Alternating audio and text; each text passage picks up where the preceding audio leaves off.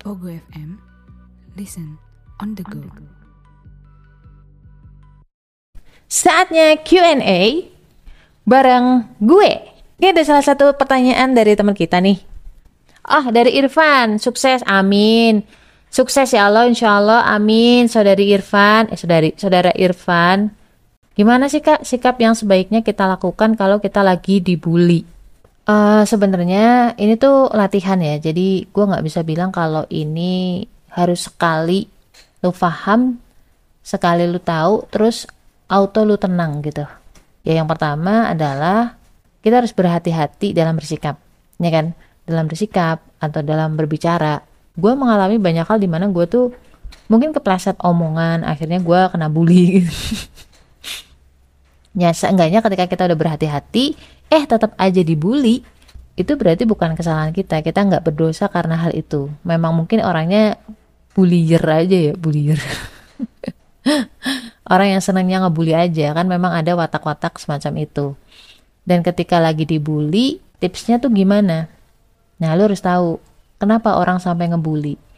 Biasanya ketika kita udah berusaha baik, kita udah berusaha menjaga diri, kita berusaha berhati-hati tapi orangnya tetap ngebully, itu dia Nyun sewu ya, dia pengen jatuhin kamu. Bukan dalam artian ngejatuhin artinya lu dijelek-jelekin di depan umum, bukan cuman itu. Itu iya, tapi bukan itu yang paling krusial. Yang paling krusial adalah harga diri lo di mata lo. Pengen biar lo tuh merasa rendah diri gitu. Lu merasa eh, apa namanya? not good enough gitu asik. Gue inget banget tuh kejadian kemarin belum lama ada anak SD ya kalau misalkan 10-11 tahun kan SD berarti SD mungkin kelas 3 kelas 3 SD gitu. Cowok kebetulan dia yatim. Di sini gue nggak tahu apakah bapaknya itu pergi atau bapaknya sudah meninggal gue nggak tahu. Nah teman-temannya ngebully anak ini sebagai anak yatim anak gak punya bapak dan kawan-kawan. Artinya dibulinya ini karena memang kondisi di luar kehendak dia. Dia sampai nggak mau sekolah gara-gara kena bully itu. Karena bully oleh teman-temannya. Dia bilang teman-temannya. Berarti kan banyak ya, nggak cuma satu. Tapi mungkin sang ibu e, memikirkan masa depan si anak. Jadi dia membujuk lagi anaknya agar mau sekolah. Akhirnya kembali ke sekolah. Begitu terus, akhirnya si anak kebawa. Jiwanya tuh kebawa. Karena apa? Karena saking masifnya. Dan dia merasa dia sendirian. Kenapa dia bisa merasa sendirian? Karena ketika dia curhat sebenarnya tuh dia pengen dibelain gitu for information nih buat cewek-cewek ketika cowok curhat itu biasanya bukan hanya sekedar pengen dihibur. Dia tuh pengen dibelain. Dia pengen ada orang yang berada di pihaknya. Gitu ya. Ini tips buat menaklukkan para cowok. Oke lanjut lagi. Akhirnya saking nggak tahannya saking dia merasa sendirian saking dia nggak tahu harus gimana nggak tahu jalan keluarnya gimana dia memutuskan untuk bunuh diri dengan cara menggantung diri. Lu harus paham dulu ketika orang ngebully lo. Orang ngebully lo itu bukan karena kamu itu buruk loh. Ya. Orang ngebully kamu itu karena mereka kepingin kamu merasa buruk. Kamu merasa rendah. Kamu merasa nggak berharga. Itu dulu yang harus kamu tahu. Nah, pertanyaannya adalah kenapa mereka kepengen ngejatuhin kamu? Kenapa mereka kepengen kamu tuh down? Karena mereka memandang kamu lebih dibanding mereka. Makanya mereka sepeduli itu untuk menarik kamu jatuh. Itu. Jadi ketika lu tahu tujuan mereka ngebully lo adalah merasa buruk, ya jangan, jangan ke bawah, eh gitu loh.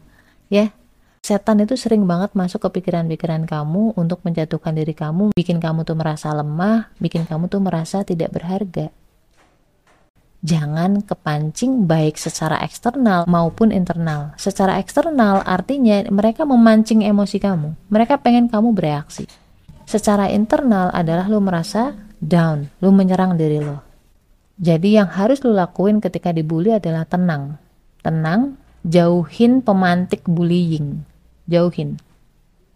Itu sama ketika kondisi Nabi di saat dakwah di Mekah beliau itu diboikot orang-orang Quraisy sampai menyiksa membuat gak nyaman lah intinya lalu turunlah perintah dari Allah untuk hijrah jadi belum ada perintah untuk melawan belum ada perintah untuk berperang tinggalin dulu orang-orang yang semacam itu Oke. Tahap yang ketiga adalah tahap pasca bullying. Pasca bullying adalah kondisi di saat kita udah menjauh. Orang-orang yang percaya kepada Allah, orang-orang yang bergantungnya sama Allah, itu yang ngebelain dia adalah Allah sendiri. Gue baca tuh di surat Al-Hajj ayat 38. Sesungguhnya Allah membela orang yang beriman. Paksain bilang Alhamdulillah karena dengan inilah lo jadi tahu satu-satunya yang memang stay di sana, stay buat kita cuman Allah. Ya udah, yang penting Allah sama kita di Dikir Pagi Petang yang gue share di podcast gue di tahun 2019 tuh ada bacaan namanya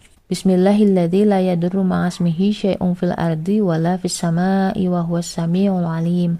Dengan menyebut nama Allah yang dengan namanya tidak ada sesuatu pun yang membahayakan baik di bumi maupun di langit. Dialah yang maha mendengar lagi maha mengetahui.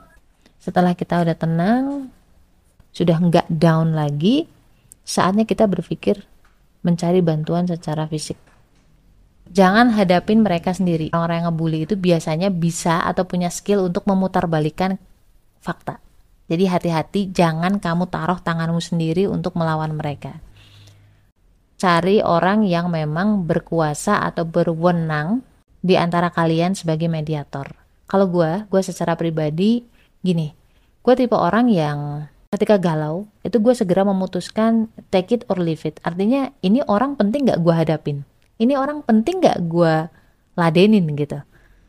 Kalau misalkan dia nggak penting dia nggak ada hubungannya dengan kerjaan dia tidak ada hubungannya dengan jalan rezeki gue gue tinggalin. Dan akhirnya alhamdulillah mereka capek sendiri. Ya memang watak gue dari kecilnya kan udah sering dibully gitu ya. Kalau setiap orang harus gue pikirin kayaknya kok waktu gue terbuang sia-sia gitu kan sebenarnya orang-orang yang ngebully itu adalah orang-orang yang lagi cari perhatian lo bener gak? sementara tugas kita itu banyak men. Banyak. Jadi masya Allah setiap hal bahkan yang awalnya kita kira tidak nyaman kalau endingnya mengingatkan kita kepada Allah membuat kita membuka Al-Quran insya Allah itu adalah anugerah ya. Segala sesuatu bahkan teman setia pun ketika itu melalaikan lo dari Allah itu bukan nikmat itu musibah ya karena yang menemani kita sampai kapan pun itu cuman Allah orang punya keterbatasannya dalam menemani kita even ada teman setia yang nemenin lo 24 jam ya mereka hanya bisa jadi diri mereka. Mereka nggak pernah masuk ke dalam hati lo. Mereka nggak akan pernah paham 100% hati lo. So apa pun masalahnya, la haula wala quwata illa billah, semoga engkau dikuatkan oleh Allah dan insya Allah biasanya setelah ada ujian-ujian semacam itu, itu akan membentuk karakter-karakter sukses di dalam diri kamu. Oke? Okay? Beneran. Jadi orang sukses itu tidak mudah. Bukan masalah modal uang, bukan masalah modal koneksi, bukan yang paling penting adalah modal karakter kamu. Sesuai nama lo, Irfan sukses. Irfan insya Allah sukses. Ya, amin. Stay love and assalamualaikum warahmatullahi wabarakatuh. Episode selanjutnya.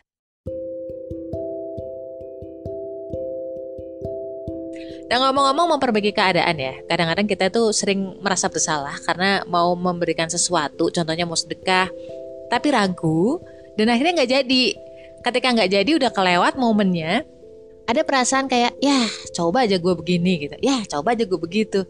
Aduh andai kata tadi begini gitu. Pernah nggak sih kalian juga ngerasain hal yang sama? Ya contohnya mau sedekah tapi takut ya duit gue cuma segini terlalu sedikit ah malu ah kayak gitu gitu pernah